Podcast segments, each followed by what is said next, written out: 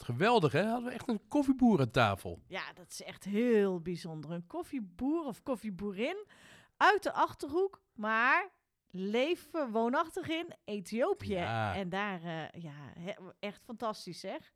En niet alleen eh, eh, heel erg actief op het gebied van eh, het verbouwen van mooie koffie. Maar ook nog eigenlijk heel eh, sociaal betrokken. Om te kijken hoe ze eh, ja, mensen kan verbinden. En eh, ja, een project op kan zetten. Ja, Hester is echt een powervrouw. En dat doet ze echt fantastisch met haar, eh, met haar man daar. eh. Ja. Dus ja, wil je weten waar dit gesprek over ging? Ga lekker luisteren.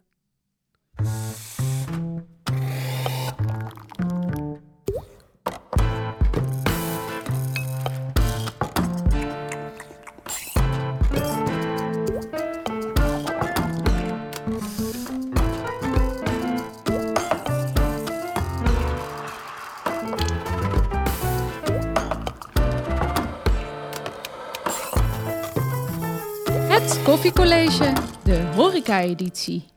Luister nu naar het interview wat Brechtje had met eh, Hester Sioen Westerveld van Betteboena. Pak een lekker kop koffie, ga achterover zitten en geniet ervan.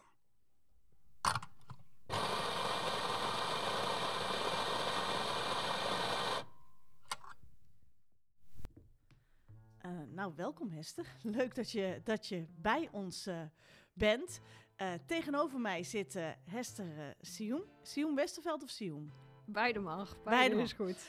En eh, ja, we hadden het er net al over. Ze, ze stelde zichzelf voor als, eh, als eh, directeur van Betteboene, eh eh als koffieboer. Maar ik zei net ook al, jij bent nog veel meer. eh, we hadden nog een kort voorgesprekje en ik zeg al, je bent nog veel, nog veel meer dan dat. Eh, namelijk, je bent ook nog eh, oprichter en ja, hoe noem je het? Van, van Stichting, eh, Stichting Joni. En eh, eh, mede-eigenaar van Fana Koffie, neem ik aan. Ja, dat is ons koffiemerk. Dat is jullie inderdaad. koffiemerk, waar jullie koffie vandaan komt. Maar bijzonder dus, eh, we hebben Hester uitgenodigd omdat we graag een keer een koffieboer, of ja, zeg boerin, koffieboer. Ja, ik vind dat zo, dan ook weer gelijk zo'n geslachtsdingetje. Maar koffieboer aan tafel wilden hebben. En Hester eh, woont en werkt in Ethiopië en kan ons dus ook van alles vertellen over, eh, over de koffie. Maar voordat we daar eh, beginnen, jij bent nu in Nederland. Ja, klopt. En voor hoe lang ben je nou in Nederland geweest? We hebben de feestdagen in Nederland gevierd en ik vertrek vrijdag weer. Dus al met al zijn we vijf weken hier geweest. Ja. En, en wie zijn we? Mijn twee dochters en mijn man zijn eventjes over geweest. Oh, wat leuk zeg. En jullie hebben gewoon echt vakantie hier gevierd. En dat doen jullie ieder jaar?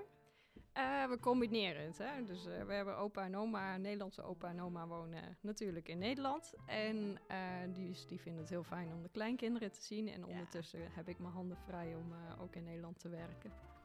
Dus dan ben je hier in Nederland dus ook voor zaken. Ja, dat klopt. En dat is ook wel belangrijk, want we werken natuurlijk met onder andere Nederlandse klanten. En ik vind het heel belangrijk om hun ook te zien in die dagen. Het is eigenlijk ook wel bijzonder, hè? Maar we hebben het er zo meteen nog wel even over. Maar het is wel bijzonder dat jij als eh, koffieboer eh, dan dus zowel in, in hier in Nederland dus heel actief bent. Dus zowel in het land waar het de koffie geconsumeerd eh, actief Mhm. bent, als in het land waar het geproduceerd. Dus je bent in de hele keten actief. Ja, nou voor mij is het niet meer zo bijzonder, maar het, je ziet het niet zo heel veel, dat klopt. Maar even terug naar, eh, naar Hester. Wie is Hester? Ehm, jij, eh, nou, kan je iets vertellen? Waar, ben je, waar, waar kom je vandaan oorspronkelijk en waar ben je opgegroeid? Nou, dat is wel te horen. Ik kom uit de Achterhoek. En eh, dat accent, dat heb ik natuurlijk nog steeds. En daar ben ik ook heel trots op. Ehm, maar de Achterhoek heb ik verlaten. Ik ben de sportacademie gaan studeren. Wat uiteraard niks met koffie te maken heeft. Ehm, daar liep ik een blessure op.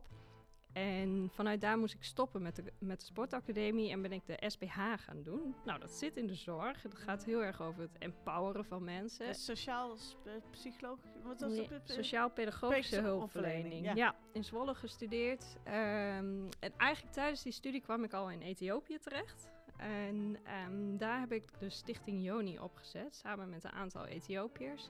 Want waar wij heel erg tegenaan liepen, ik, ik liep daar stage in Ethiopië. En waar wij tegenaan liepen is dat heel veel hulporganisaties eigenlijk helemaal niet goed luisteren naar de lokale bevolking. Van nou, ze willen wat doen, ze willen wat hulp bieden.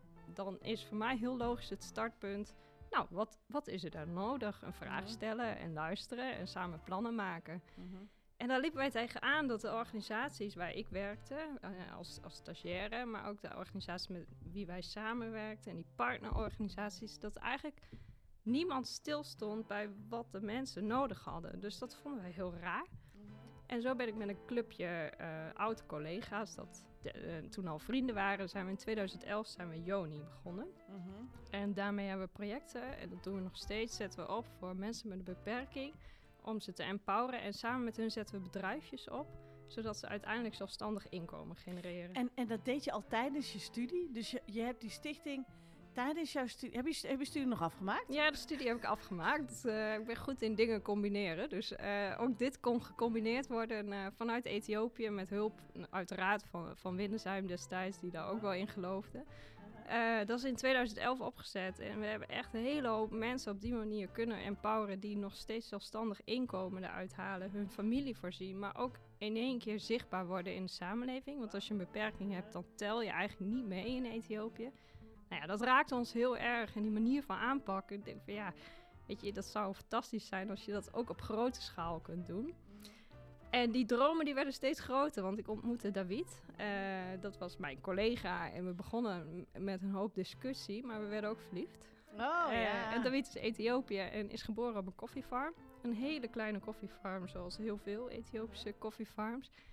Ja, en daar liepen we rond en in, ik denk nu ruim een jaar geleden overleed zijn opa, die dat nog steeds runde. Die, is, die was 108 geworden. En eh, ja, de leeftijd is altijd een vraagteken hè, in Ethiopië. Dus ook dat is een beetje natte vingerwerk. Maar hij had wel één wens van, weet je, om ons heen wonen zoveel koffieboeren die leven in armoede, het eigenlijk niet overleven. En wij hadden zoiets van, ja, daar moeten wij wat mee. Dus Ja. zo eh, is ook... Maar, maar was, want nog heel even terug, want jij zat dus, je zat dus op een opleiding. Jij kwam in Ethiopië vanwege een Was dat een, was dat een keuze van de school of was dat een keuze van jezelf, Ethiopië?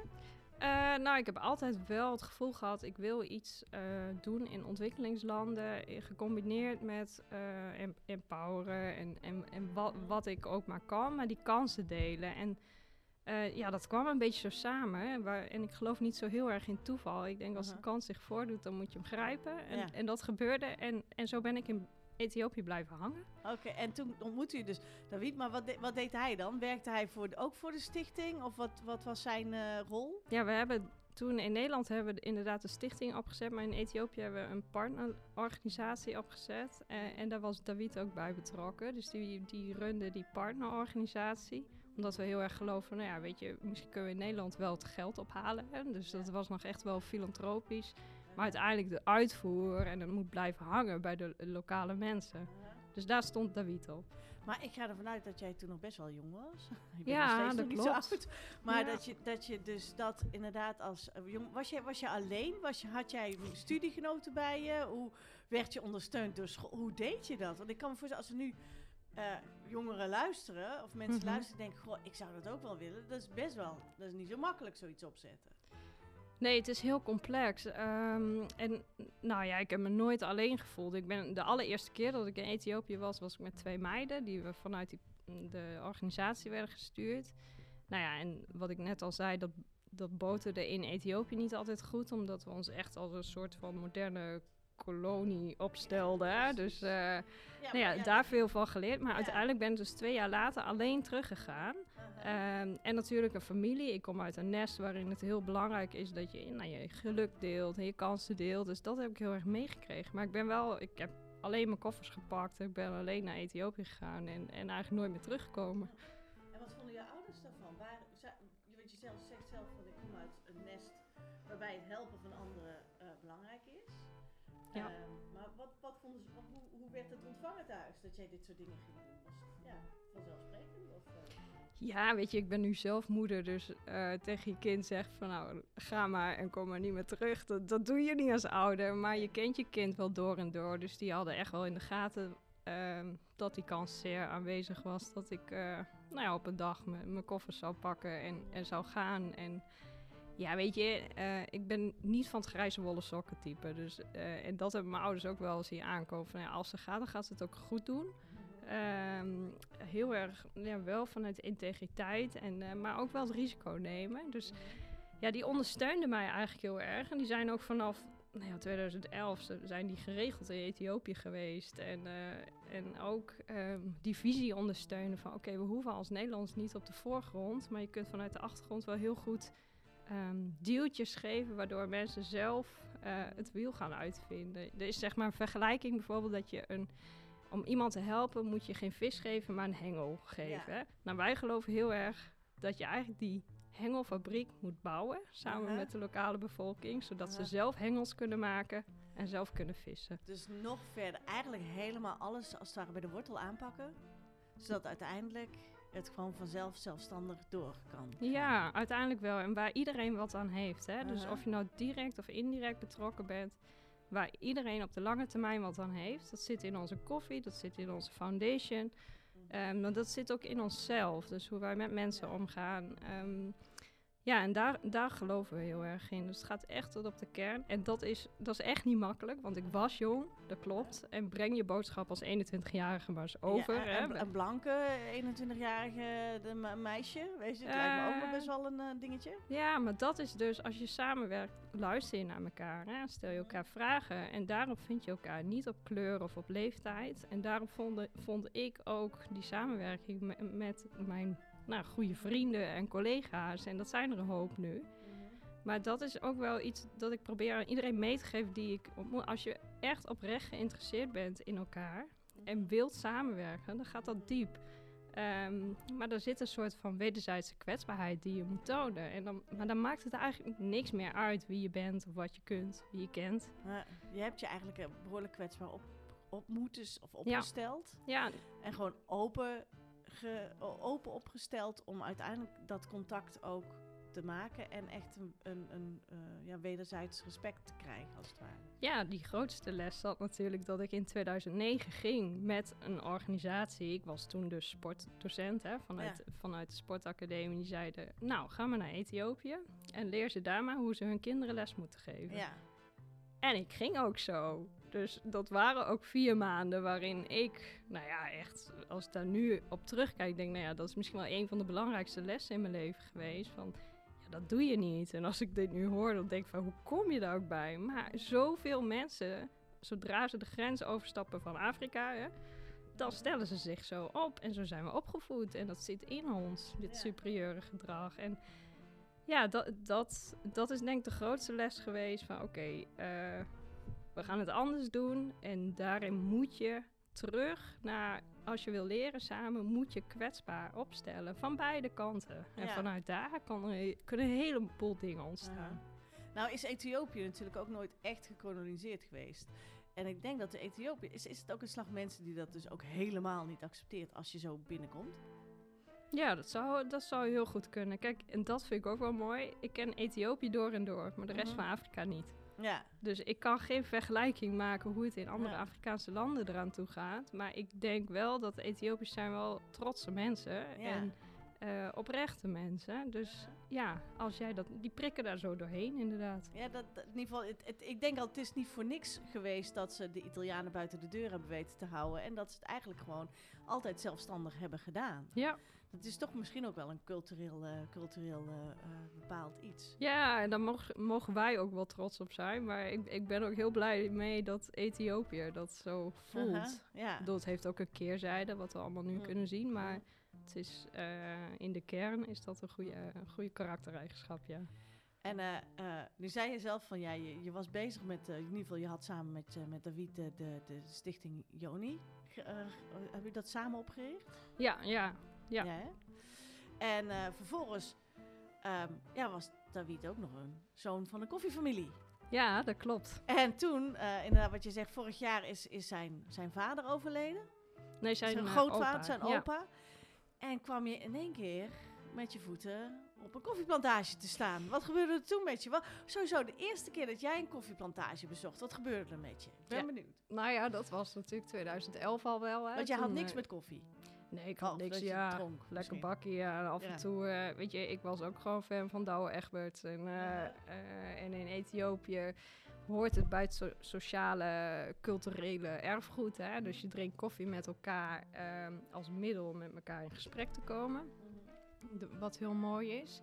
Ja, en ik ging in eerste instantie natuurlijk niet op bezoek op een koffieplantage. Ik ging op zoek bij de gro grootouders. De familie. Van, van de wind, mijn familie. Ja, en ik werd voorgesteld. En, en, Aha. en ik weet nog wel dat... En zijn ouders zaten die ook in de koffie of niet? Die deden iets anders. Nee, die za- ja, dat zijn natuurlijk de kinderen van. Dus Ja. die hebben echt genoeg kennis. Maar die wonen in Addis Ababa. Dus die zijn eigenlijk uit de koffie gestampt. Net als heel veel mensen. Als je de keuze hebt, dan blijf je niet in de koffie als smallholder farmer. Omdat je gewoon niet genoeg verdient om te overleven.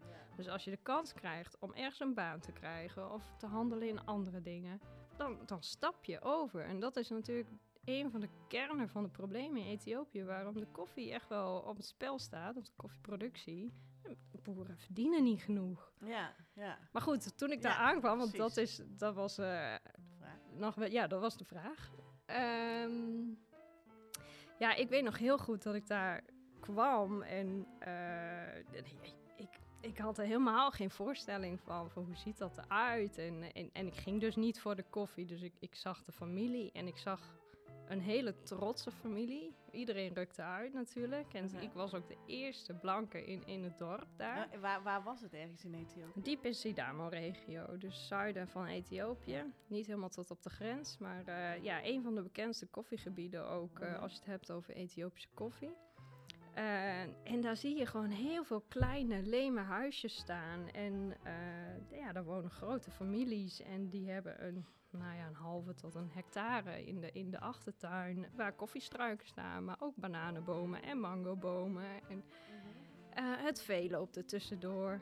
En ja, dat stond er. En dat maakte in eerste instantie helemaal niet zo'n indruk. Maar wat wel indruk maakt, is dat zoveel mensen in die gemeenschap afhankelijk zijn van koffie. Dus ook al heb je maar een hectare, en dat was ook bij de familie van David zo, is ja, die productie, dat is hun levensonderhoud voor een jaar. Ja, als dat niet genoeg opbrengt of die oogst mislukt, ja, wat Mhm. heb je dan? Want ze, de- ze doen dan niks met die bananen en die mango's en dat vee. Hebben ze daar ook nog... eh, Ja, nou ja, dat is een beetje eh, bijinkomsten. En, en je hebt er wat melk van, maar niet genoeg om natuurlijk te verkopen. En hetzelfde met die bananen. Ja, die, die staan daar om. de- om- ja, dat is mooi, maar eh, uiteindelijk wordt dat niet in grote productie gedraaid dat het verkocht kan worden. En dat is hetzelfde met koffie natuurlijk. Je hebt heel veel van die kleine koffieboeren op een rij. Ja, en wat een van de kenmerken is dat iedereen heeft in Sidamo, is dat iedereen daar niet genoeg verdient. ja. Dus dat, dat raakte mij in, in eerste instantie. Ik had niet het idee van, oh, mooie romantische koffieboerderij. Maar vooral, jeetje, hoe kunnen dat zoveel, hoe kan het dat zoveel mensen hiervan afhankelijk zijn? Niet genoeg verdienen, wat uiteindelijk natuurlijk weer in gang zet dat kinderen niet naar kwalitatief onderwijs gaan. Omdat er geen budget voor is. Hè? Dus eh, vijf kinderen delen één schriftje. Ja, wat leer je dan bijvoorbeeld? dan leer je ook niet om eh, het geld dat je verdient, dat je dat kunt sparen en kunt herinvesteren, je productie kunt vergroten, eh, dat er handel is, hoe dat werkt, dat je daarin stappen kunt zetten. Al die dingen komen voort uit onderwijs, wat betaald moet worden, maar als je niet genoeg verdient. Dus nou ja, dat, is, eh, dat zag ik heel erg en dat raakte mij toen al. Alleen wij, wij hadden ook niks. Wij hadden een foundation. Daar werkten wij vrijwillig. We hadden geen inkomen. Ja. Dus eh, dat was voor ons ook van oké, nou ja, wat we wel kunnen doen is die 30 man familieleden die van ons zijn, zeg maar, die, daar zijn we heel toegewijd in. Die gaan we onderhouden. Maar ja, nou, Hoe deed je dat dan? Want je zei je had geen inkomen. Ja, we hadden natuurlijk de foundation en, en, we, en daar haalden wij geen inkomen uit. Maar zijdelings zetten wij ook een bedrijfje op. Dus mijn, mijn vader die heeft een autobedrijf in Nederland. Mhm. Ehm, daarin zijn we gaan kijken van, nou kunnen we misschien ook garages opzetten in Ethiopië. En, Oh. zodat we weer Ja. meer werk creëren. Dus we, we waren zelf natuurlijk ook wel wat ondernemend. Ehm, ja, maar door de jaren heen kom je steeds vaker op die koffiefarm. Wat ontzettend mooi is. En eh, mooi en, en rakend tegelijk. Ja. En, en wat, vind je, wat vond je er ook mooi aan? Ik zie dat je het nog steeds raakt. Eh, ja, nou ja, eh, gewoon dat het zo'n...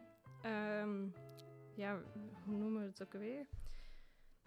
Ik moet even zoeken naar het Nederlandse woord. Ja, chronische armoede noemen we het eigenlijk. Ja. Eh, dat eigenlijk generatie op generatie wordt doorgegeven en steeds erger wordt. Omdat er ja, er zit een systeem aan, aan dingen achter. Dat ook al draai je één schakeltje om, dat lost nog niet wat op. Dus het is zelfs, ook al betaal je 10 boeren, eh, als je het hebt over koffieboeren, 2 euro per kilo meer, Ja. dan heb je nog geen oplossing. Nee. Want ze moeten ook met het geld leren omgaan. Ze moeten het, er moeten ook faciliteiten zijn die dan eh, eh, ontwikkeling in gang brengen. En dat raakte mij toen zo heel erg. Dat ik denk van, oh jeetje, je wil wat, maar het is zo ontzettend complex. Ehm, het probleem is complex, dus de oplossing is ook complex. Dat is wel wat we zagen toen. Ja. En je, je wil dat die gemeenschap ontwikkelt. ehm, en niet maar één boer. Want kijk, wij zijn een boerenfamilie. Het is mooi als wij groeien hè, met Ja. 30 man. Maar daarmee heb je Dan niet... los je niks meer op. Nee, dus Nee. Niet, niet structureel. En, da- en dat voelen wij wel.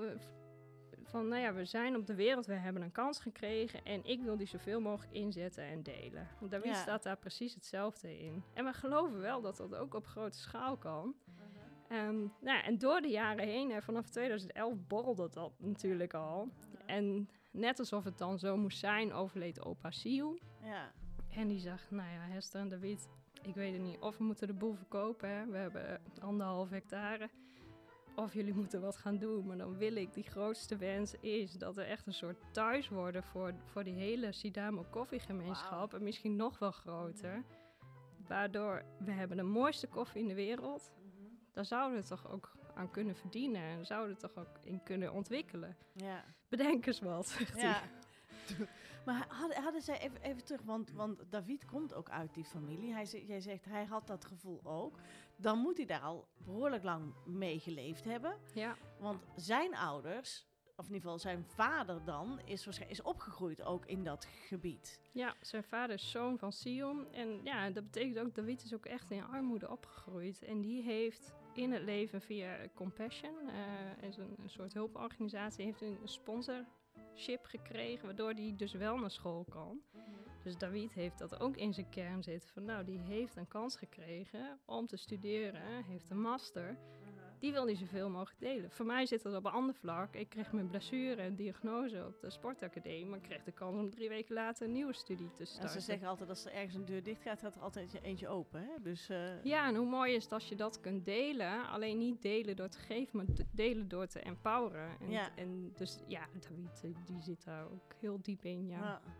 En, en, en eh, eh, eh, opa Sioen, ehm, voelde die dat zelf ook? Want vaak heb je ook dat, dat je, hè, de, de, wij zien de armoede. Voelde zij, had je het idee dat zij dat zelf ook ervaren hadden, dat zij geen kansen hadden gekregen? Dat, hè, was dat bij hem ook zo?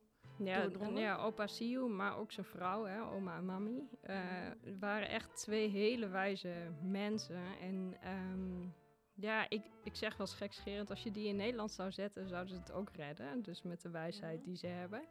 Eh, die zagen wel dat, kijk, zij, zij waren best wel vooraanstaande mensen in de gemeenschap. Dus opa Sium ging eh, vast naar de kerk, vastte ook nog. Tot op zijn sterfbed was hij twee dagen in de week aan het vasten. Ehm, dus hij was ook een soort van informele leider in de gemeenschap. Dus voor zijn gevoel had hij wel een kans gehad om te leiden, ehm, of leiderschap te tonen. Alleen was hij, en, en ook oma en mami, die zijn wel zo wijs om te zeggen van ja, joh, we zitten echt in een soort van visieuze cirkel die steeds verder naar beneden gaat. We hoeven niet gelijke toekomst te hebben, maar we moeten wel de gelijke kans op het ontwikkelen van die toekomst hebben. Dus en dat, ja, zo, Dat zagen zij wel, dat dat niet aan de hand was. Dat zij daar dus aan de Ja. verkeerde kant van de schaal zaten. Ja, en wat wel heel sterk is, en, en dat zie ik in heel veel koffiegemeenschappen. Hè? Dus in Nederland zeggen we heel erg van als je iets voor elkaar gebokst hebt of door een crisis bent gegaan, dan heb ik het overleefd. En in Ethiopië zeggen mensen, wij hebben het overleefd als, Gezamenlijk. als, als, als gezamenlijk, als collectief. Mooi. En dat is wel een basis waarop ik denk, oké, als je echt...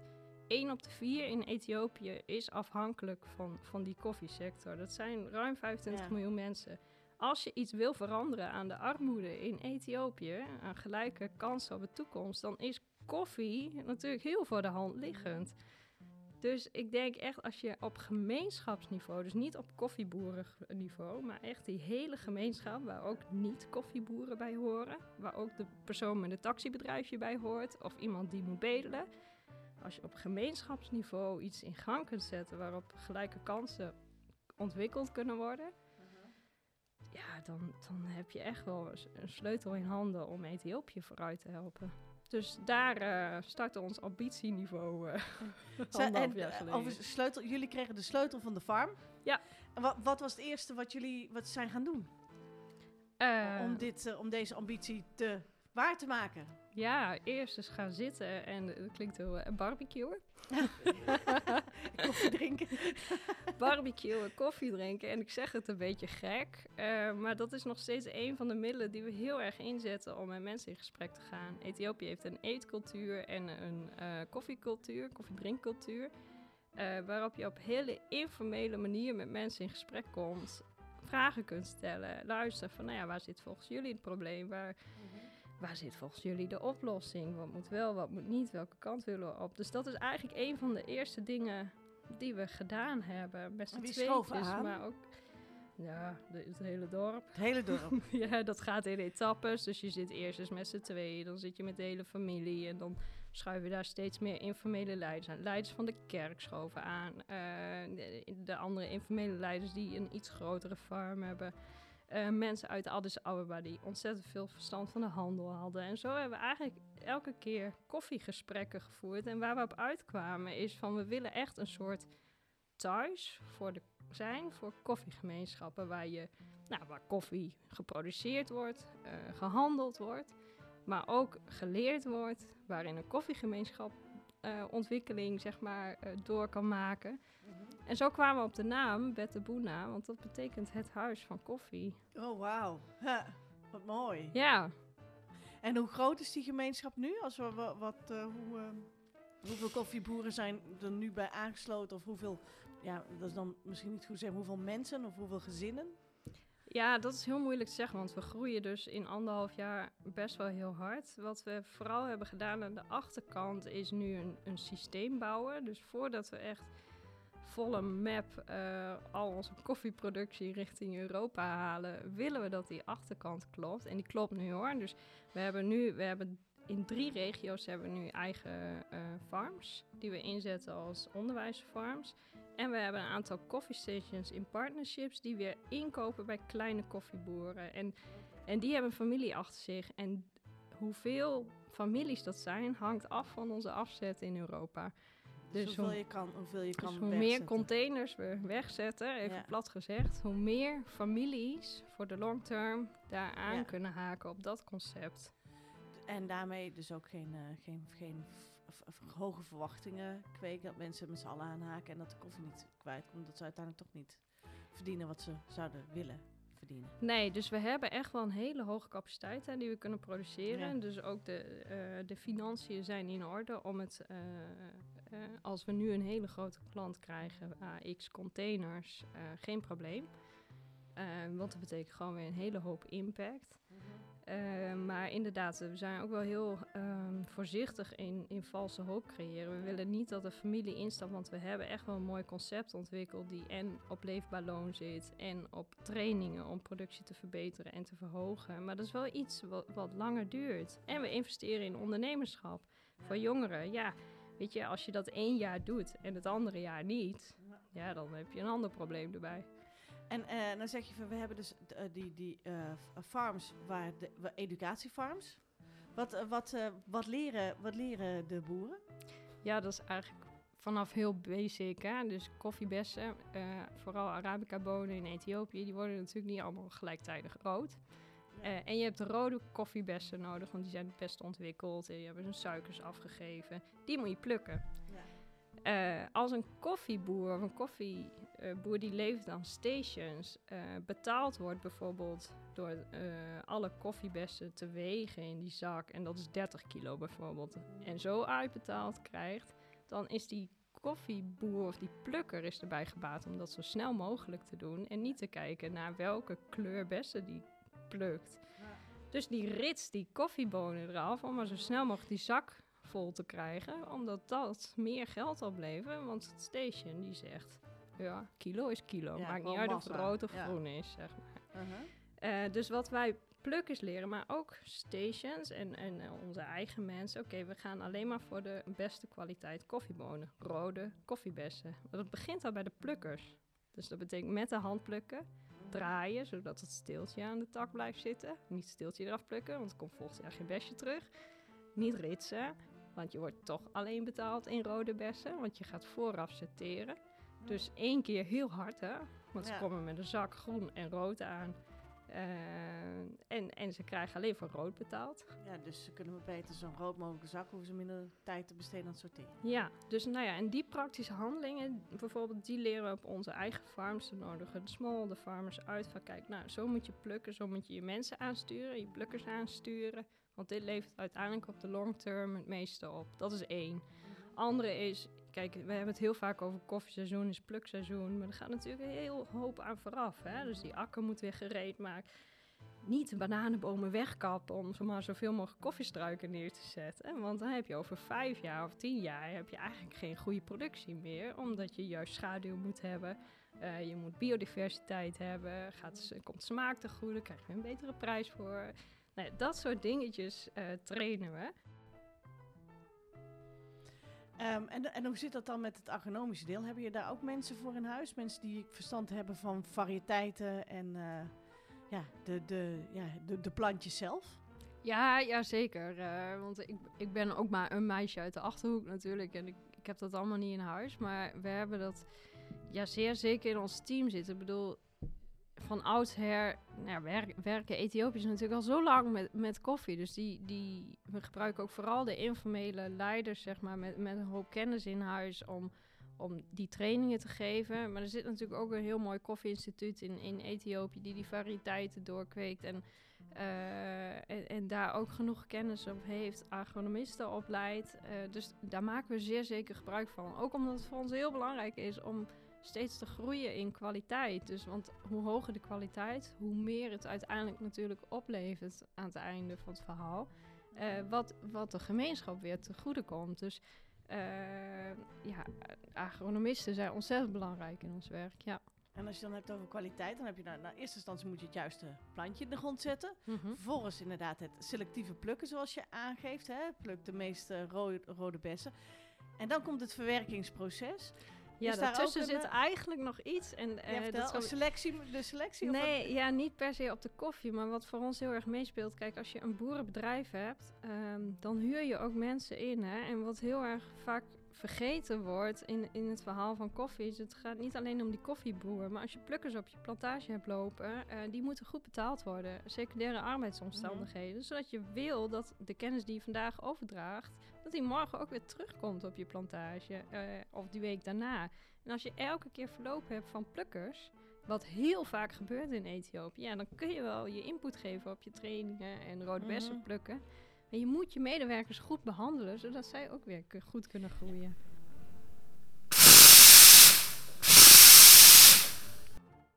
Je hebt geluisterd naar het eerste deel van het interview wat Brechtje hield met Hester. Ik hoop dat je ervan genoten hebt.